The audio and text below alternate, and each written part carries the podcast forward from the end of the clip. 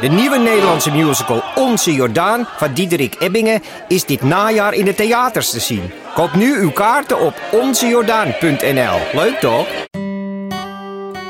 Hé, maar dit is een herkenningsmelodietje van een hele andere podcast, toch, Chris? Ja, dit is eh, de herkenningsmelodie van... Man met de microfoon. Precies, een podcast, Chris, zeg het maar. Ja, vol echte en bijna echte verhalen. En wat is er nu bijvoorbeeld de laatste tijd in Man met de microfoon te horen? Eh, nou, verhalen rondom het bijzondere project Een Grote Bruine Envelop en mini-romcoms. Dus luister naar Man met de microfoon. Welkom bij de podcast De Eeuw van de Amateur. Mijn naam is Botte Jellema. In de vorige aflevering vertelde vlogger Jalmar Kimperman over zijn filmpjes op YouTube. Zijn populairste filmpje is die over zijn coming out. Hij heeft die gemaakt met een duidelijke reden. Het is het soort filmpje dat hij had willen zien toen hij 15 was en worstelde met zijn geaardheid.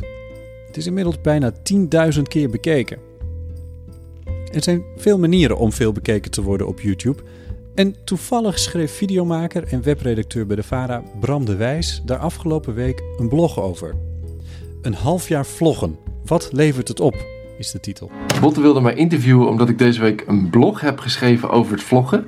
Dus je kijkt nu inderdaad naar een vlog over een interview over een blog over vloggen. En je luistert nu naar een podcast met een quote uit een vlog over een interview over een blog over vloggen. Uh, dat stuk is binnen een paar dagen bijna 10.000 keer gelezen. Bram vertelde mij dat hij ook reacties krijgt van wat hij noemt social media goeroes. Die niet wisten wat hij in zijn blogje schrijft over de veranderde strategie van YouTube. Terwijl het heel wezenlijk is voor het maken van filmpjes en in mijn ogen gunstig. Bram legt het straks allemaal uit. Ook in deze aflevering weer een bijdrage van Martijn Rosdorf uit Brighton, die nog steeds op zoek is naar zwerver Ian, die onder een boot op het strand van Brighton leeft. We komen iets meer te weten over wat voor man Ian is, dankzij een andere zwerver. Maar eerst Bram de Wijs. Ik ontmoet hem in zijn huis in Hilversum en mag daar kiezen of ik mijn thee in een Beatles mok of een Donald Duck mok wil. Bij binnenkomst stond de camera al meteen op mij gericht. Hij neemt elke dag veel gebeurtenissen op. Want er kan zomaar iets gebeuren wat in een vlog kan en wat kijkers leuk kunnen vinden. En YouTube vertelt hem heel precies wat leuk is. Ja, ja heel precies. Zelfs zo precies dat je echt per seconde eigenlijk kan zien wie er wegklikt. Of ja, niet wie, maar uh, of de mensen wegklikken. En of ze iets herhalen ook. Dus of ze terugspoelen om het nog een keer te bekijken. En dan zie je dus echt een pietje of een, uh, of een dalletje. Vertel even over het ene beruchte pietje. Uh, nou, dus één, één heel duidelijk pietje was dat mijn vriend Jesse... Um, zo, mijn kat wordt even gek. Gaat het? En, een, een heel duidelijk pietje was dat mijn vriend Jesse... Uh, in zijn onderbroek de kamer binnenkomt lopen en niet weet dat ik film. Volgens mij wist hij het wel, maar... en uh, dus dan zie je hem even bijna naakt. En dat hebben mensen dus ook echt teruggespoeld. dus dat was heel grappig. Ja, en er is nog een moment dat hij, ook, ook met hem, daar waren we in Duitsland en... We waren in... Heb jij muizen? Nee, hij heeft gewoon even de kolder in zijn kop. Ja. Um, we waren in Duitsland en er was een soort, een soort ijsbaan waar je vanaf, vanaf kon gaan met een, met een soort rubberband. En toen zei hij ook letterlijk, uh, we gaan dit doen, want dat is leuk voor de vlog. En toen zag je ook inderdaad dat mensen daar uh, naar terug hadden gekeken en waren aangehaakt. Ja. Dus het was inderdaad leuk voor de vlog. Ja. ja. Dat, uh, dat is wel, uh, wel leuk, want dat, dat blogje daarin vertel je ook echt even... Het, het stuk wat je hebt geschreven, omdat je het nu een half jaar aan het doen vertel je over je eigen motivaties, over... Uh... Zou ik je eventjes... God, god, god. Normaal ligt hij de hele dag te slapen. Ja, hij wil... Hij wil ja...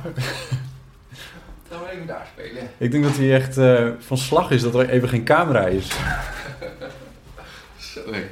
Ja, ik heb er geen last van hoor. Ik bedoel, het is geen radio nee? wat we aan het maken zijn. Nee, ja, uh, maar ik doe nooit de hele tijd... Oké, okay, nou ja, als hij weer lastig wordt gekomen, ja, dan weer terug. Als hij de deur weer aanvalt. Ja. ja.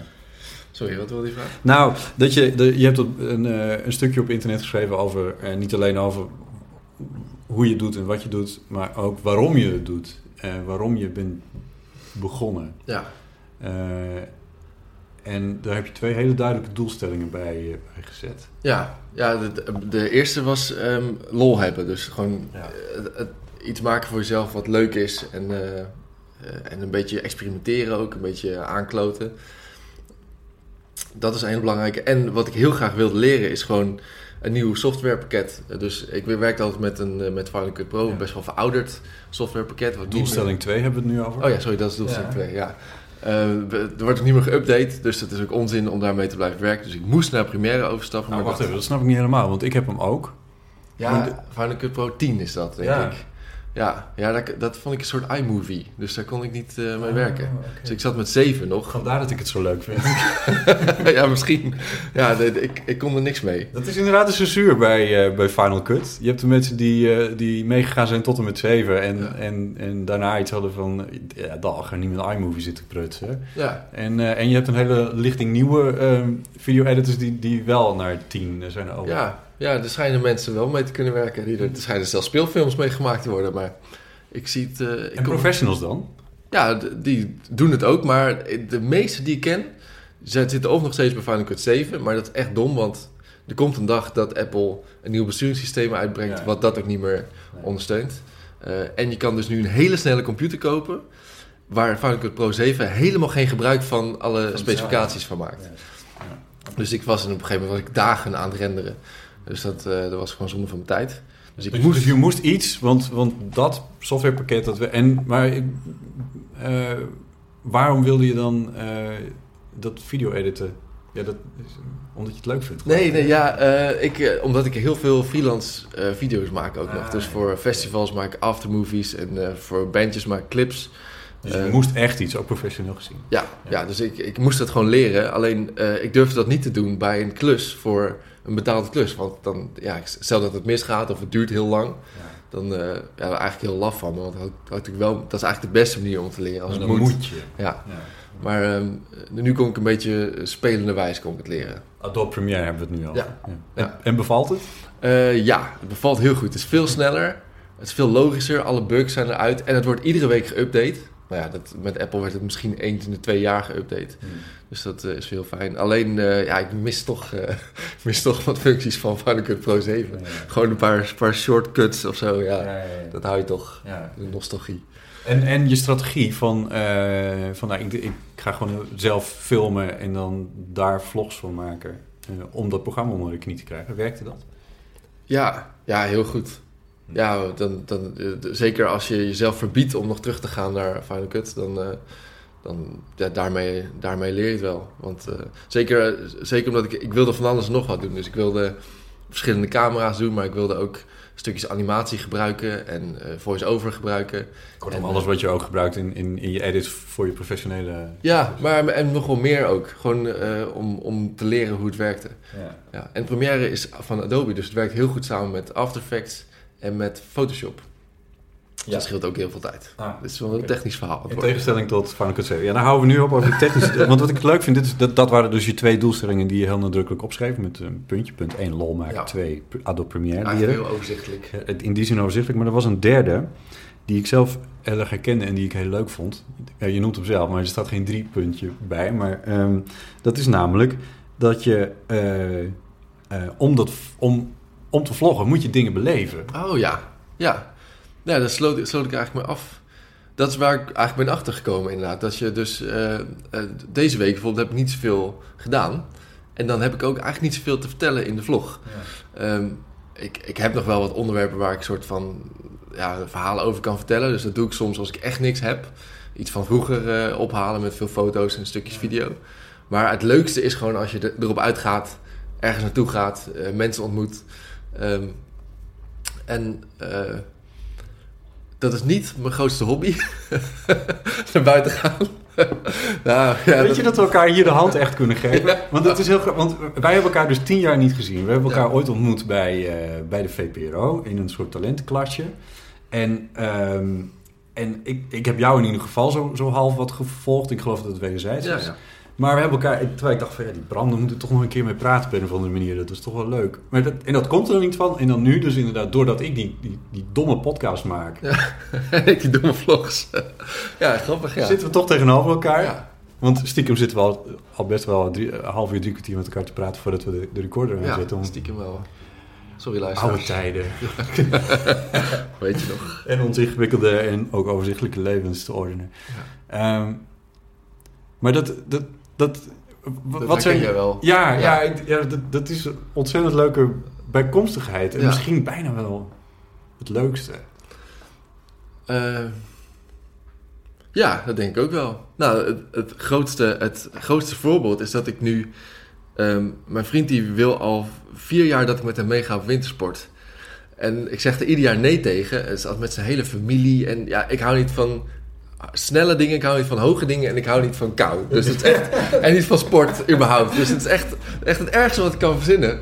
Maar nu over een paar weken gaat hij weer met zijn hele familie en nou kon ik gewoon niet meer nee zeggen. En nu heb ik inderdaad gewoon ja gezegd, dat ik dacht, ja, het, het ziet er wel tof uit in de sneeuw. En het is wel weer een leuk verhaal om te vertellen. Ook als je mij op mijn bek ziet gaan, misschien met zo'n ski. Wat ik, ik denk dat ik niet eens ga proberen, maar misschien ga ik het wel doen. En dan is het een goed verhaal. Dus dat is wel het, eigenlijk het ergste wat ik tot nu toe heb gedaan voor de vlog.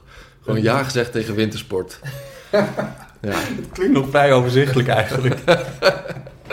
ja misschien wel. Nou, ja, het is ook niet, het is niet zo dat ik nu, nu tegen, tegen allemaal dingen ja zeg die ik niet wil doen.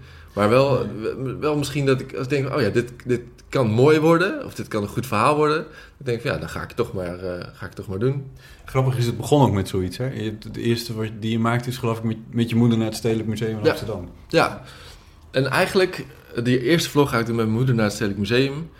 Ehm, en ik ga niet heel vaak met mijn moeder eh, dingen doen, dus het is sowieso ook leuk om een keer vast te leggen. Nou, voor, later, als een soort plakboek. Ehm, maar ik, en toen ik die vlog maakte, had ik al het gevoel dat ik eigenlijk een paar weken te laat was begonnen. Want ik had eh, de week ervoor had ik al bij mijn ouders een keer een hele leuke avond gehad met, met mijn broer erbij en, en het kindje van mijn broer erbij. En ehm, het week daarvoor had ik met mijn vrienden een leuke barbecue gehad en zo. En iedere keer dacht ik, kut, als ik nou mijn camera had meegenomen, was dit echt een leuk filmpje geweest. Dus eh, toen dacht ik, nu moet ik het gewoon gaan doen. En, eh, maar dat- we waren sowieso naar het museum gegaan, ook als ik geen vlog had. eh. Ja, ja, Gemaakt. ja, precies. Zij is kunsthistoricus geloof ik hè? ja, dat klopt, ja. Ehm, heeft het jouw leven veranderd? Wauw. Vraag heb ik volgens mij nog nooit aan iemand gesteld. Heeft mijn leven veranderd? Ja. Elaborate. Eh, ja, of, of, of juist niet. Ehm, want ehm, het, het, het wekelijks maken van een video is iets wat ik al jarenlang deed voor mijn band. Ehm, en dat miste ik heel erg toen die band ophield. Dus misschien heeft mijn leven... de- Toen veranderde mijn leven heel erg toen de band ophield. omdat En- iets wegviel. Ja, en je maakt geen muziek meer. En, en je, je, nou, je ziet, ziet die jongens nog wel, maar ook niet meer iedere dag natuurlijk. Dus er verandert heel veel. En een van de dingen die ik heel erg miste was het maken van video. eh, en het puur het, het proces van het maken, het creatieve. eh, en het online zetten en daar reacties op krijgen. Dat is een van de dingen die ik heel erg miste. Gek genoeg, misschien. Dus misschien dat ik mijn leven juist wat minder heb veranderd door dat gewoon weer te gaan doen. Ja, ja. Ja, Je kijkt er nog een beetje moeilijk bij. Nou, het is ook een beetje Ik heb er nooit over nagedacht. Nee, maar ik zit te denken omdat, al juist omdat, omdat het, het, het vloggen je dwingt om, eh, om dingen te ondernemen met, met andere mensen. Ja. Ja, in die zin, in die zin heeft. Maar de, ja. Ik was al best. Ik was eigenlijk altijd best wel ondernemend. Zeker toen, tien jaar geleden, toen wij elkaar ontmoetten. Toen, eh, toen speelde ik in zes bands. En had ik ook nog een label erbij. En ging dus eh, studeerde, ik was aan het afstuderen. En ik ging die VPRO-cursus doen. Eh, toen was ik extreem ondernemend. En toen, volgens mij na dat jaar ook, ben ik, heb ik ziekte van Pfeiffer gekregen. En, en een leverontsteking. Heb ik echt bijna een jaar lang niks kunnen doen. En toen in één keer eh, ben ik. eh, en toen ben ik wel. Nou, hoe zeg je dat? Eh, toen, toen ben ik het eigenlijk wat rustiger aan gaan doen of zo. Ja, het klinkt alsof ik echt toen een oude lul was, terwijl dat tien jaar geleden nog wel meeviel. Want wat is je leeftijd? Ik ben nu 32. Ja. Ehm, maar ik ben toen wel iets meer gaan nadenken. Ja, ik hoef niet alles tegelijk te doen. Dus eh, eh, misschien kan ik beter een paar dingen gaan doen die ik heel leuk vind. En daar mijn energie in steken. En dat lukt nog steeds niet altijd, want ik vind het nog steeds heel moeilijk. Al, bijvoorbeeld als nu een, een leuke band mij vraagt, eh, wil je een clip voor ons maken? Dan is mijn eerste reactie altijd ja. Maar daarna denk ik, oh shit, maar dan moet je dat allemaal gaan regelen. En, eh, dus eh, ik was altijd heel ondernemend. Toen ben ik dat wat gaan, mezelf wat gaan afremmen. En daar ben ik misschien iets verder doorgeslagen in de zin van dat ik nu een dag vrij ben. Dat ik echt ja, het liefst gewoon op de bank een tv-serie lig te kijken. Ehm, en dat ik dat misschien wel weer een beetje, dat ik daar wel weer een beetje van af wil. Dat ik wel weer leuk zou vinden om weer wat vaker wat eh, te gaan doen. En dan werkt zo'n vlog dus. Ja, en dan werkt zo'n vlog heel goed. Ja. Je luistert naar de podcast De Eeuw van de Amateur. Mijn naam is Botte Jellema. Straks heb ik het met Bram over iets dat YouTube heeft veranderd. En dat gaat over storytelling. We gaan eerst naar Martijn Rosdorf. Zie daar een man zitten op de straathoek met allemaal schilderijen. Een hond naast zich. En ehm, sommige schilderijen zijn af, maar de meeste nog niet. Eh, duidelijk een dakloze. En ik loop even naar hem toe en ik ga aan hem vragen of ik hem wat mag vragen. En of hij misschien iets weet van wie er onder die omgekeerde roeiboot woont op het strand. Ja, dat was dus geen probleem. Hij heet Lee en hij woont al 15 jaar op straat. Yeah, um, you know, I, I haven't literally spent all of that time like directly rough sleeping. I have spent some of that time like staying at friends' houses or. Hij heeft natuurlijk niet 15 jaar onafgebroken op straat geslapen. Af en toe kon hij bij vrienden For terecht. the most part, I've been homeless. Well, my last tenancy was over 15. 15 jaar geleden betaalde hij voor het laatst ergens huur. Ja, Lee die zit erbij eh, op straat met eh, zijn schilderijen. Hij eh, schildert niet slecht, maar ook niet heel goed. En eh, ik zie een schilderij van het beroemde Royal Pavilion hier in Brighton. En de oude West Pier die is afgebrand. En ook een schilderij in Londen, zo te zien. En dat is een duidelijk een zeegezicht, zie ik, aan, huizen aan zee hier in I've been Brighton. painting and drawing since I was five years old. And yeah, it's always been a passion of mine. And Lee schildert al sinds zijn vijfde, zegt hij. En hij schildert niet alleen om eh, geld te verdienen, om dingen te verkopen, maar ook om geestelijk gezond te blijven. yeah, but um, also a way of uh, maintaining my mental health and you know keep, keeping myself occupied and sort of mentally together. You know. Ik vraag Lee hoe het komt dat hij op straat leeft. Ehm, hij maakt op mij geen dronken of eh, drugsverslaafde indruk. Hij mist wel een paar tandjes, maar hij kijkt helder uit zijn ogen en hij kan eh, aardig eh, coherent vertellen. Right, well, my most recent bout of homelessness was as a result of an attack in my hometown in Cardiff, where I was attacked with an iron door hinge and half blinded with it. And uh, basically, the guy that attacked me was like a big local gangster drug dealer type. Lee vertelt me dat hij deze keer dakloos is geworden doordat hij is aangevallen met een stuk staal. En er volgt een, een lang en ingewikkeld verhaal. Maar in ieder geval, wat hij me probeert duidelijk te maken. Hij is een grote pechvogel. Due to lack of evidence, uh, continued to threaten and intimidate us. So, in the end, I just took, you know, I, I took the two dogs. I had two dogs at the time, um, and uh, we hitchhiked up to Scotland.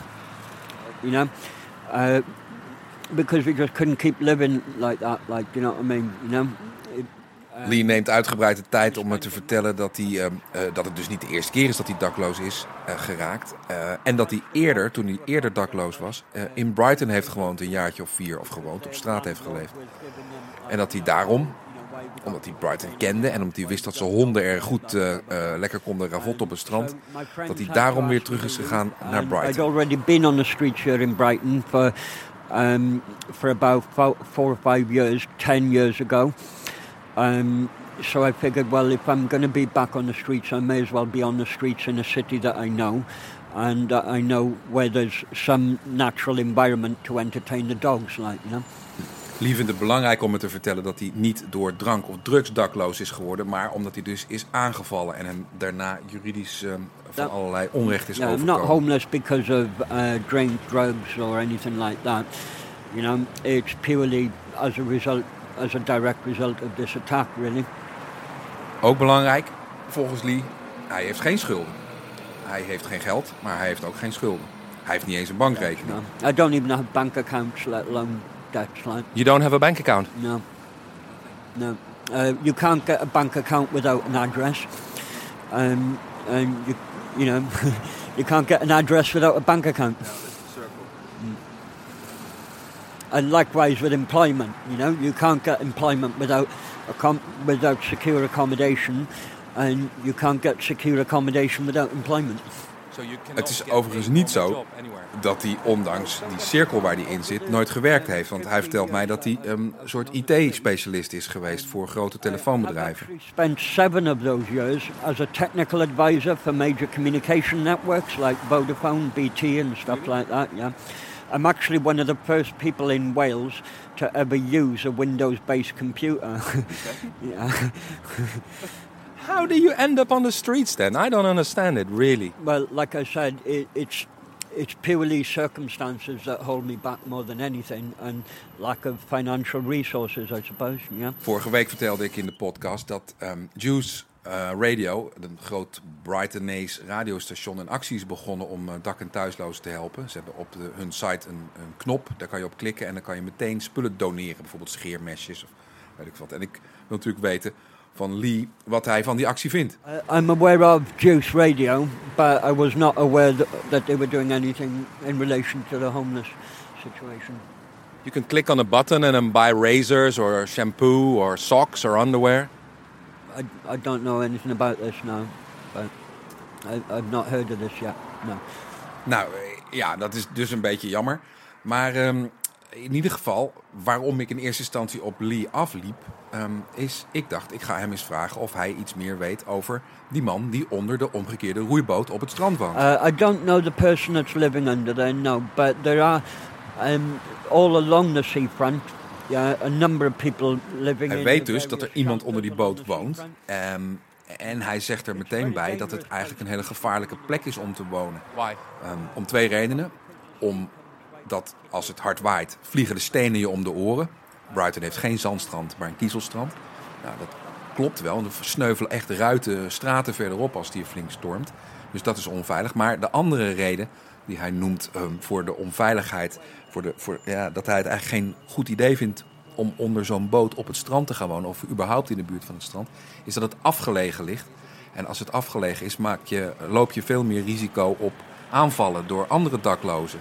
En dat is een probleem waar hij eh, wel wat meer over te zeggen heeft. Gisteren was er nog zo'n aanval. En ehm, Lee die durfde al zijn geld, dat is niet veel, maar hij durfde er wel onder te verwedden dat eh, die aanval, dat die toestand te maken heeft met eh, legal highs of spice of legal cannabis, zoals ze dat hier noemen. Dat zijn eigenlijk gewoon kruiden en die zijn geïmpregneerd met chemicaliën die een effect teweeg brengen wat lijkt op dat van marihuana, alhoewel. Ehm, mensen worden er psychotisch van, mensen worden er heel erg agressief van, mensen kunnen er toevallen van krijgen. Ik heb zelf van de week nog iemand opgeraapt op straat die ehm, helemaal een soort epileptische aanval had van dat spul. Dus het is een groot probleem hier en, en hij weet zeker dat het ehm, in, met deze vechtpartij te maken had, die dus gisteren gebeurd is, waar ook zwaar gewonden bij gevallen zijn. Really crazy, don't they? Oh, um, it, it will induce a psychosis in most most cases, like yeah, yeah. And there's been a number of attacks over the last couple of years as a result. People are, are now too scared to carry around a little bit of cannabis with them.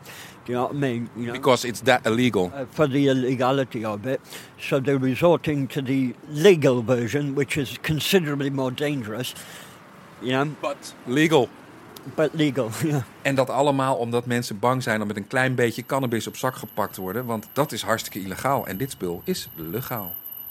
Toch wil ik nog eventjes van hem weten of hij echt alles verteld heeft wat hij weet over degene die onder die boot woont. Uh, Back to the guy under the boat. You are aware that there's somebody living under that rowing boat. Yeah, I, I am aware, but like I said, I don't really know who it is. Like, Hij weet dus niet wie het is. Eh, hij weet niet hoe die heet. Hij weet wel dat er iemand woont.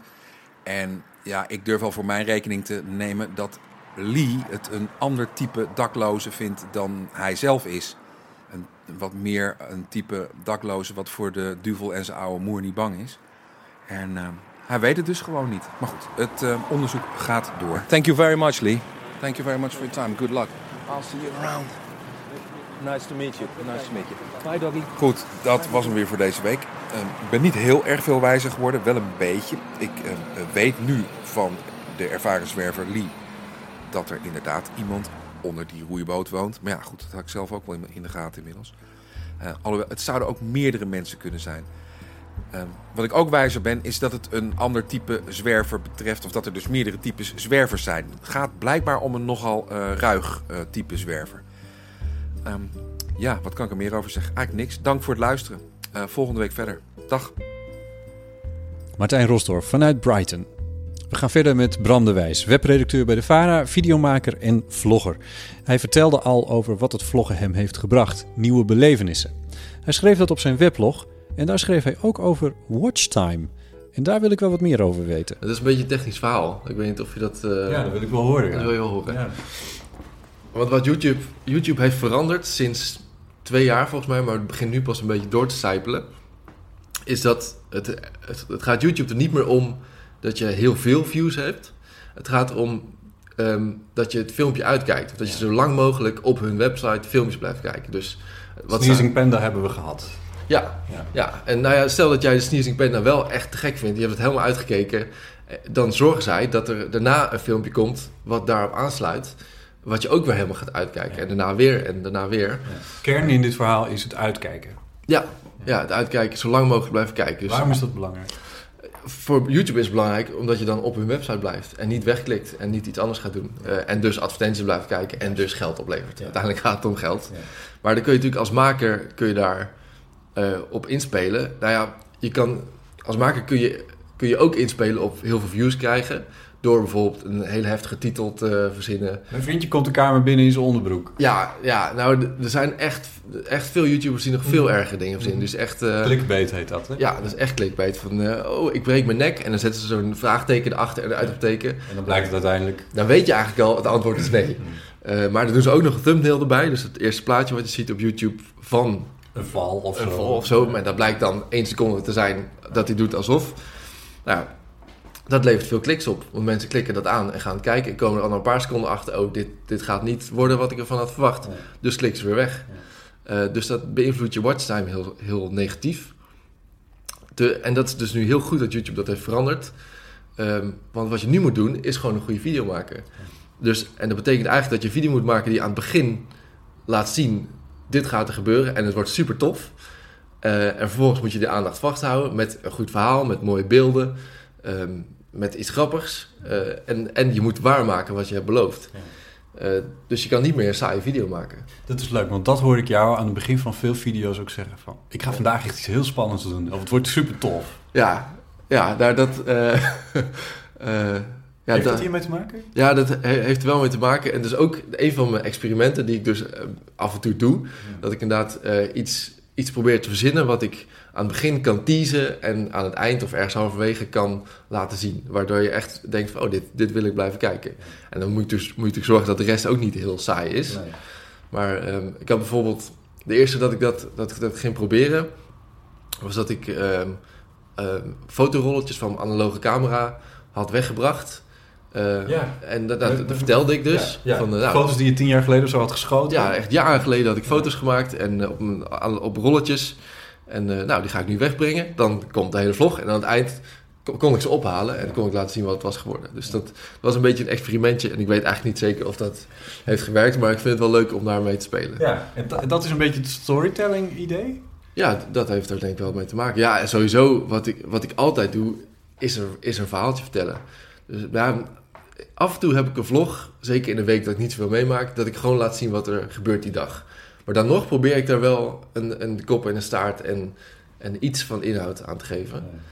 Ehm, maar meestal kies ik één onderwerp waar ik het dan over, waar ik het, eh, waar ik bespreekbaar over ga doen. Zeg maar. Dus dat, eh, Ja, ja.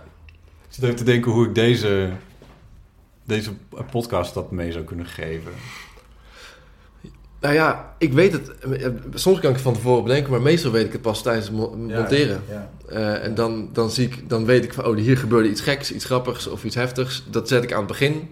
En dan, eh, dan ga je kijken tot dat gebeurt. Ja. Dus hopelijk gebeurt er nog iets. Ja, dat je kat mij alsnog aanvalt of zo. Ja, ik hoop het. Ja, dat is het gekke. Dat, dat, dat geldt trouwens voor veel YouTubers. eh, zeker voor de YouTubers waar ik misschien iets minder mee heb, zoals de Enzo Knollen van deze wereld. Enzo Knol is, is eigenlijk doorgebroken op het moment dat hij zijn arm had gebroken. Volgens mij was hij in de sloot gevallen of zo, omdat hij er zelf insprong, geloof ik. Had zijn arm gebroken. En dat is zijn grote doorbraak geweest. En eigenlijk, Hoop jij? ja ja, ook al voel ik Nou, dan gaat je wintersport, jongen. Nou, dan gaat, ga ik zeker iets breken. Maar eh, ik voel me niet verwant met hem als, als YouTuber, maar eh, toch hoop je altijd dat er iets gebeurt. En het, ehm, wat het rare eigenlijk nog is, daar moet ik nog steeds een beetje aan wennen. Dat, eh, ehm, ik ben natuurlijk een beetje, ik ben meer een traditionele videomaker. Dus eh, ja, veel in opdracht gewerkt. En wat, je, wat ik dus gewend ben, is zodra er iets gebeurt, dat je je camera uitzet. Want dan moet je even in de echte Buiten wereld het zijn. script, inderdaad. Ja, dan moet je even helpen. Je moet even... Maar ja, dat is dus heel tegenstrijdig. Wat ik nu iedere keer doe, als iemand valt of iemand doet iets grapp- grappigs of iets geks of er gaat iets helemaal mis, er stort iets in, dan zet ik mijn camera uit. Ik denk, nee, wacht, ik moet hem juist aanzetten. Dus ik hem snel weer aan. En, maar ja, dan voel je een beetje zo'n zo'n sensatie-YouTuber. Ja, maar eh, dat, ja, dat zijn natuurlijk de leukste dingen om naar te kijken als er iets misgaat. ja, Dus, ja dat, dat is waar, ja. Ik maak heel veel interviews. Er gaat eigenlijk niet echt heel veel mis. Nee, ja, ja als er Je iets... interviewt eigenlijk niet, hè, in, in je... Nou, ik heb jou net geïnterviewd. Ja, Ja. ja, ja. Nee, ik, ik, ik doe dat wel vaak, maar ik knip het vaak zo kort dat er eigenlijk niks meer van overblijft. Oh god. Ja. en dat is vaak omdat het, niet zo, omdat het toch niet zo heel duidelijk blijkt te zijn. Maar ehm, nou, ja, ik probeer het wel. Ik probeer wel vaak de mensen, bijvoorbeeld zeker als er nieuwe mensen in beeld komen die mijn kijkers nog niet kennen, probeer ik die wel altijd te introduceren door ze iets te laten vertellen. Ja. En eh, inderdaad, van hoe, hoe kennen we elkaar. En, eh, dus ik probeer, probeer ehm, dat hoort misschien ook een beetje bij het storytelling. Dat je, ik probeer altijd een paar, paar karakters te hebben in mijn, in mijn vlogs. Dus en van mensen weten al van, nou, dat zijn mijn ouders. Dat is, eh, een van de populaire karakters is mijn nichtje van eh, één. Die is, eh, die is heel populair, dat vindt iedereen altijd fantastisch. Eh, Jesse is heel populair, bevriend, omdat hij nooit in beeld wil en altijd rare dingen zegt. Ja. en altijd een beetje ongemakkelijk is als, hij, als de camera draait. Eh, en af en toe kleren uittrekt, misschien ook. maar, ehm, dus dat, ja, op die manier probeer ik wel iedereen een beetje voor te stellen of zichzelf te Ja. laten voorstellen. Ja. Ja. Weet- Ik zit even te denken, want je, je zei net van ja, als we het hierover gaan hebben, moet het even technisch worden. Dat viel eigenlijk nogal mee. ja? Heb je niet de, de neiging om dit soort verhalen op, op, op podia of zo te gaan vertellen? Want dit, is volgens mij iets wat, wat heel veel YouTubers nodig hebben, dit verhaal. Ja, nou dat bleek ook wel toen ik die, die blog had geschreven. Ehm, dat daar ik echt, kwam er al op af, maar... nou ja, ik heb mega veel reacties gehad, ook van YouTubers, maar eh, sowieso van, ja, ook heel, van heel veel van die marketingmensen. Weet je wel, mensen die zo, zichzelf social media gurus noemen, die wisten het allemaal niet. Dus dat, eh, Wauw. terwijl het in principe al twee jaar zo is hè, op. YouTube. Dat meen je niet. Ja. Die weten dit niet. Nee, dat hele watchtime verhaal, dat kennen heel veel mensen helemaal niet. Terwijl het dus super... Nou ja, in- je kan zien dat mensen dat niet weten... als je, de, als je YouTube-video's bekijkt van grote YouTubers. Ja. Die gebruiken nog steeds al die clickbait-titels... doen nog steeds zoveel mogelijk naakt in de thumbnail. Ja. Terwijl dat gaat dus niet werken. En daar krijgen ze ook heel veel kritiek op. Dat zie je ook in de comments altijd. Dus ik, ja, ik check dat altijd even, omdat ik benieuwd ben... Heb- Even voor de duidelijkheid, ik, ik ga niet pretenderen dat ik het wel wist, maar het valt me tegen dat, dat, eh, dat internetgoeroes, of hoe je zo noemt, ja, of social media goeroes, dat die, dat die het niet weten. eh, ja, Hoe weet jij het? Ehm, nou, omdat ik de afgelopen half, half jaar dat ik aan het vloggen ben, eh, heb ik, ben ik er heel erg ingedoken. Ehm, van hoe kan ik mijn kanaal optimaliseren? Dus hoe kan ik het zo goed mogelijk inrichten dat mensen dus blijven kijken? Ja. En toen ben ik dat tegengekomen. Maar het blijkt al twee jaar zo te zijn. Terwijl ik mezelf ook best wel een internetgoeroe vind. Dat is ook mijn werk. Eh, ik doe het, doe het dan voor kinderen voor kinderen. Ehm, en daar, daarom wilde ik het eigenlijk ook weten. Eh, dus het viel me van mezelf ook een beetje tegen dat ik het nog niet wist.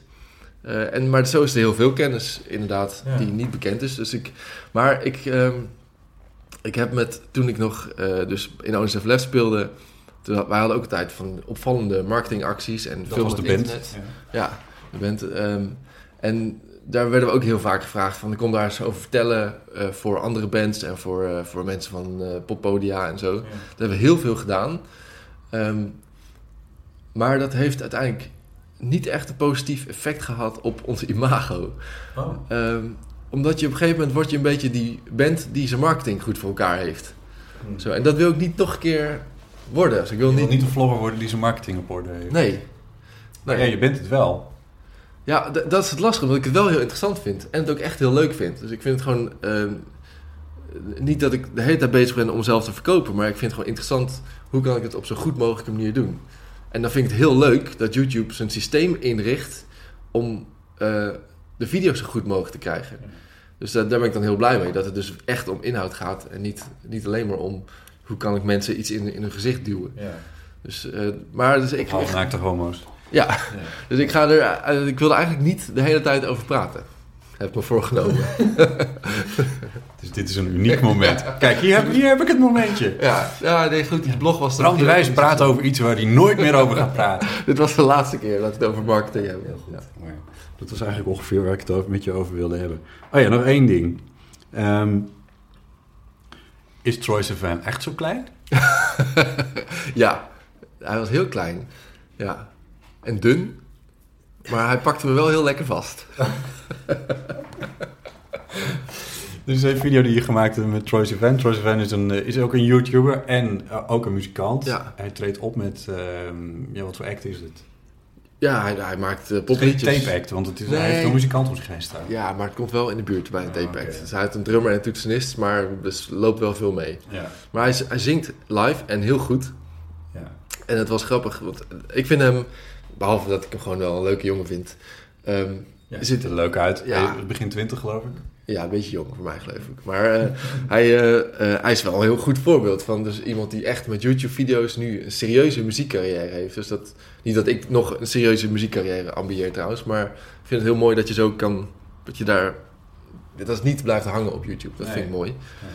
Ehm, Je bent naar Berlijn geweest om zijn show te zien. Ja. Je hebt daar een vlogje over gemaakt. Ja. Er is een foto gemaakt van dat je hem ontmoet. Nou ja, we, en, en niet, dat we, niet dat ik een soort stalkerig fan naar ben, ben gaan opzoeken, maar we, sliepen dus toevallig in hetzelfde hotel als Ah. hij.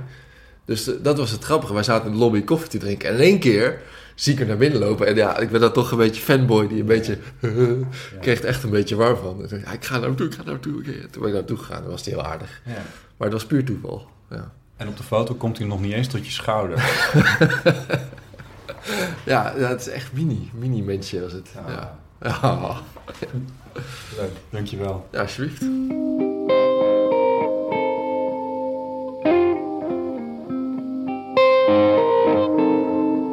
Bram de Wijs. Zijn video's zijn te vinden op YouTube onder zijn eigen naam. En de blog waar we het over hadden is te vinden op zijn site bramdewijs.nl en heeft de titel Een half jaar vloggen. Wat levert het op?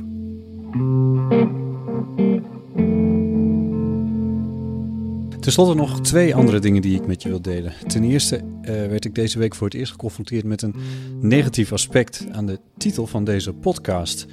Ik was er heel trots op, eh, omdat er een verhaal achter zit en omdat het lekker massief is. Maar toen ik deze week tegen iemand zei: Ik wil je interviewen voor mijn podcast, De Eeuw van de Amateur, zei hij: Maar ik ben toch geen amateur? En ik antwoordde: Ik ook niet. Maar het zou eigenlijk toch wel heel jammer zijn als die titel een reden is voor mensen om niet te willen worden geïnterviewd voor deze podcast. Wat denk jij? Moet ik het toch veranderen? Eigenlijk wil ik het niet, want ik begin net een beetje een naam te bouwen. Laat je het even weten op onze Facebookpagina.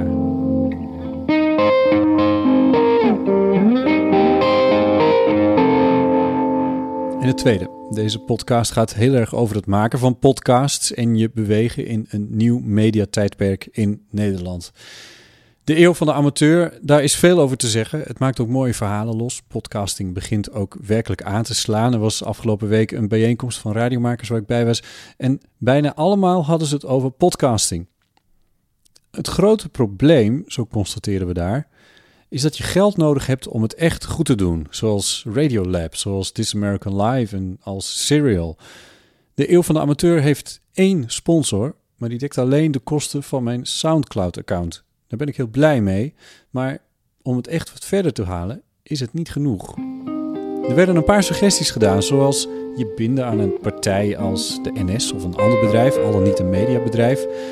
NS is natuurlijk interessant, omdat in de trein mensen zitten te wachten en die zouden naar je podcast kunnen luisteren. Ehm, maar er was in die groep een beetje tweespalt. Een deel wilde dat wel, een ander deel wilde graag naar de leiding van de NPO stappen om te vragen of de NPO wil gaan sponsoren. Oftewel, dat we podcast gaan maken voor de NPO.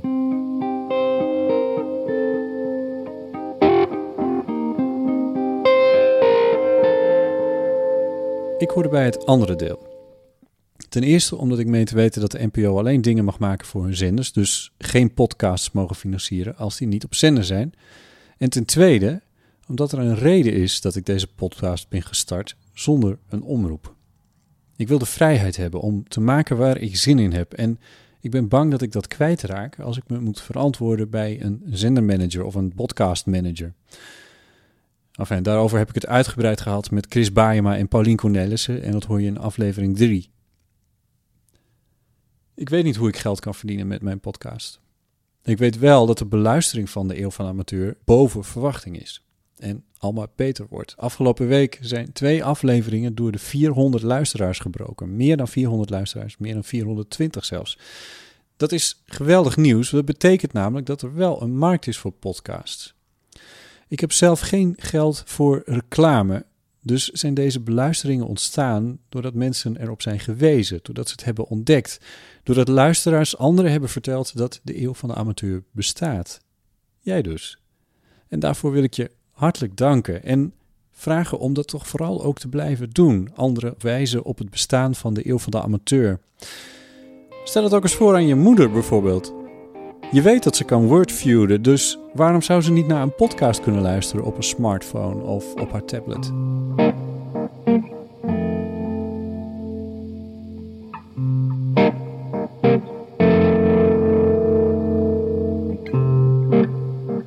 Meer luisteraars, dat helpt bij een eventuele subsidieaanvraag. En het helpt mij om gevraagd te worden, bijvoorbeeld op te treden in de landen. Donderdag 4 februari leid ik een bijeenkomst over literatuur en realiteit en de vruchtelingencrisis in de Bali. Kom vooral langs. Ik zeg niet dat ik dat direct heb te danken aan de eeuw van de amateur, maar dat zou zomaar eens kunnen gebeuren. En dan kan een podcast indirect toch renderen. En daar heb jij weer voordeel van, want dat betekent dat ik hem blijf maken en jou mooie gesprekken en belevenissen kan aanbieden. Daarover gesproken. Volgende week gaan we onderzoeken, waarschijnlijk, wat publiek verwacht van een podcast. Radiocollega Misha Blok van Eén Vandaag, die benaderde mij. Ze wilde heel graag een keertje meedoen met de Eeuw van de Amateur. En ik ontmoet haar komende week, hij is een wederdienende. Zij heeft rondgevraagd op het Internationaal Filmfestival in Rotterdam. Dat hoor je in de volgende aflevering. Dit was de Eeuw van de Amateur voor deze keer. Mijn naam is Botte Jellema en mij rest niets dan je een heel fijne week te wensen.